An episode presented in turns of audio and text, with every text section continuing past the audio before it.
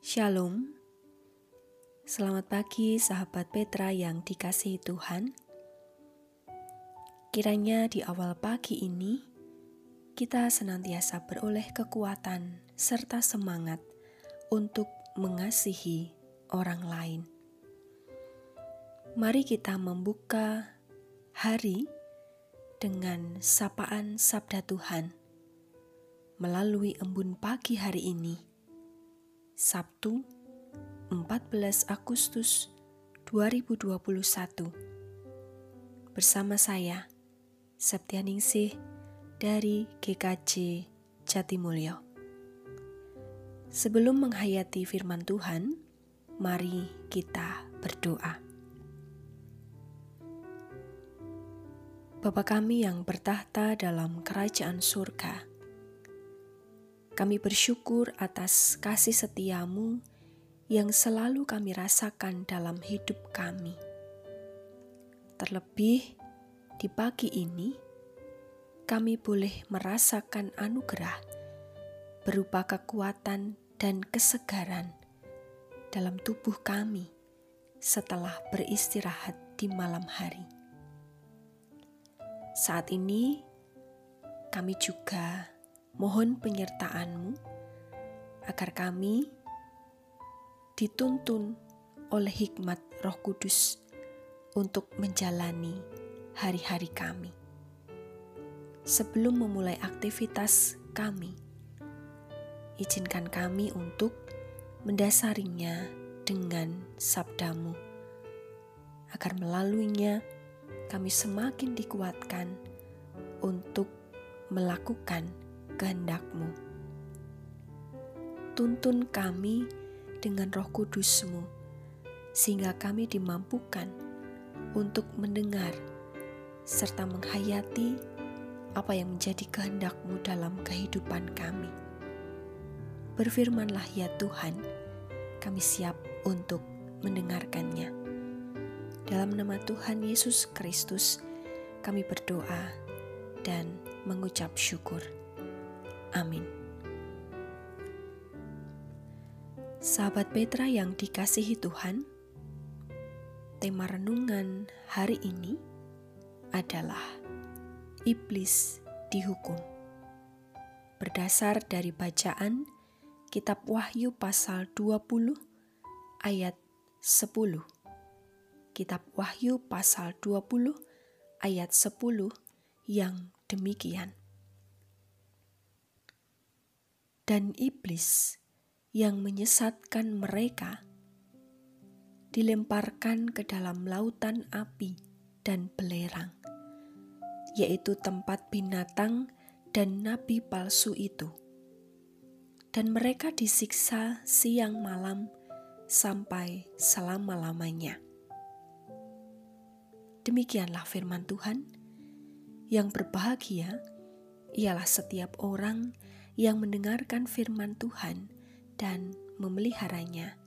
Haleluya. Sahabat Petra yang dikasihi Tuhan, Kitab Wahyu pasal 20 terbagi menjadi tiga bagian. Bagian pertama tentang masa seribu tahun, tertulis di ayat 1 sampai 6. Bagian kedua tentang peperangan terakhir ayat 7 sampai 10. Dan bagian yang ketiga yaitu tentang penghakiman terakhir ayat 11 sampai 15. Mencermati pada bagian pertama yaitu tentang masa seribu tahun. Dalam masa itu, iblis akan dirantai. Bangsa-bangsa akan bebas dari tipu muslihat, dan orang-orang kudus dan para martir akan dibangkitkan dan memerintah bersama-sama dengan Kristus. Tentang peperangan terakhir di bagian kedua, pada ayat 7 sampai 10, Yohanes menyatakan, ketika masa seribu tahun berakhir, iblis akan dilepaskan dari penjaranya untuk masa yang singkat dan akan kembali menyesatkan bangsa-bangsa. Misi gereja akan ditentang dan dibatasi. Iblis akan mengumpulkan orang-orang yang benci gereja bersama-sama untuk menyerang gereja terakhir kalinya. Tetapi Kristus akan mencegah konflik sebagai penunggang kuda putih. Kemudian, naga akan dilemparkan ke dalam lautan api untuk bergabung dengan dua binatang lainnya menjalani siksaan tanpa henti selama-lamanya. Bagian ketiga, tibalah saat penghakiman orang-orang di hadapan tahta putih yang besar Yohanes menuliskan di pasal 20 ayat 12. Orang-orang mati dihakimi menurut perbuatan mereka berdasarkan apa yang ada tertulis di dalam kitab-kitab itu. Dengan tegas, ia tidak mengatakan bahwa orang berdosa dibenarkan oleh perbuatan baik mereka tetapi orang berdosa dibenarkan hanya oleh anugerah Allah melalui iman dalam Kristus. Kita akan dihakimi menurut perbuatan kita. Hari penghakiman adalah suatu peristiwa di depan umum, dan perbuatan baik akan menjadi bukti iman. Orang yang benar namanya tertulis dalam kitab kehidupan anak domba. Dalam pasal 20 ayat 15 menyatakan, dan setiap orang yang tidak ditemukan namanya tertulis di dalam kitab kehidupan itu, ia dilemparkan ke dalam lautan api itu. Sahabat Petra yang dikasihi Tuhan, dalam kitab Wahyu, Yohanes menyaksikan apa yang menjadi firman Tuhan dengan simbol-simbol seperti Gog dan Magog merupakan simbol dua kerajaan yang ditampilkan sebagai kerajaan yang mewakili semua kerajaan dunia yang melawan Allah dan umatnya. Penggambaran binatang yang keluar dari dalam laut, yaitu simbol kekaisaran Romawi, di mana kekaisaran Romawi itu menerima kekuatannya dari sang naga atau iblis. Binatang yang lain juga menggambarkan seorang penguasa di daerah timur Kekaisaran Romawi yang ditugaskan untuk memaksa semua orang, terutama orang Kristen, untuk menyembah kaisar sebagai dewa. Nabi palsu juga dikaitkan dengan para penyesat iblis, seperti diartikan dalam kamus Alkitab, adalah si jahat yang melawan Allah serta rencana keselamatannya. Juga disebut yang jahat, seperti dalam kitab Matius pasal kitab Injil Matius pasal 6 ayat 13. Kata asli dalam bahasa Ibrani dan Yunani berarti pendakwa. Bandingkan dengan kitab Ayub pasal 1. Ia adalah pembunuh manusia sejak semula. Di dalam dia tidak ada kebenaran dan ia adalah pendusta dan bapa segala dusta. Pada akhir zaman, kuasanya akan meningkat, sebagaimana disaksikan dalam kitab Wahyu pasal 12.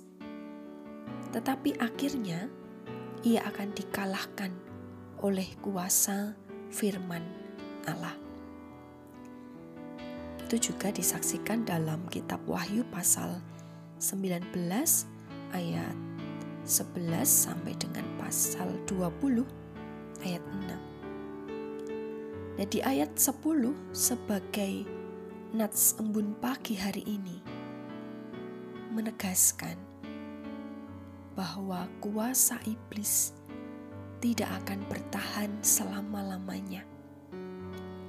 Karena Allah akan melemparkannya ke dalam lautan api dan belerang dihubungkan dengan penghakiman terhadap orang-orang yang menolak Allah. Di sana, iblis tidak akan memerintah, tetapi akan disiksa siang dan malam untuk selama-lamanya. Pada akhir masa seribu tahun, iblis akan dilepaskan dia akan memimpin sebuah pemberontakan melawan Kristus. Pemberontak itu juga termasuk di dalamnya adalah iblis yang akan dihukum.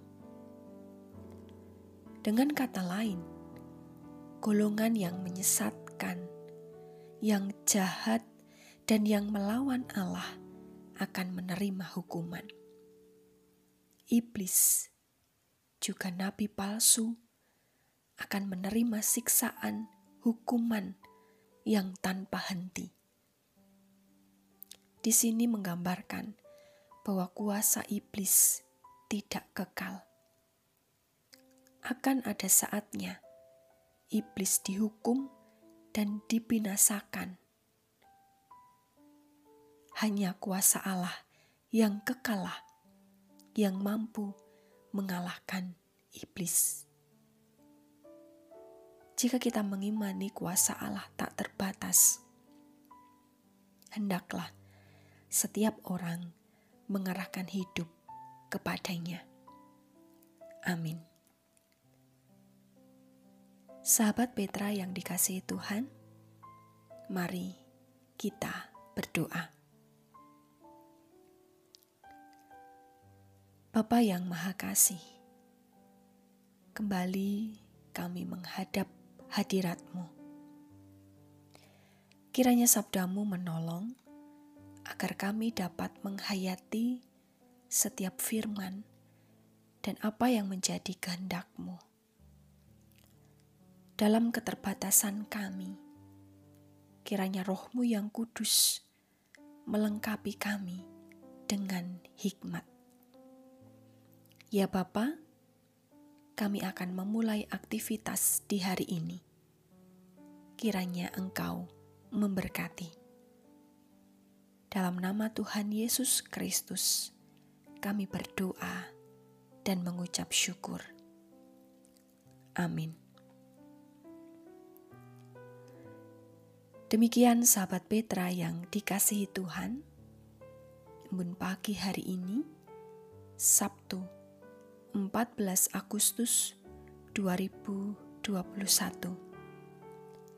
Kiranya sabda Tuhan memberikan hikmat, kekuatan, dan penghiburan bagi kita untuk melewati sepanjang hari ini. Saya Septianingsih dari GKJ Jatimulyo, mohon diri dan mohon maaf bila ada kata yang kurang berkenan. Sahabat Petra, selamat mengasihi orang lain hari ini. Tuhan Yesus memberkati.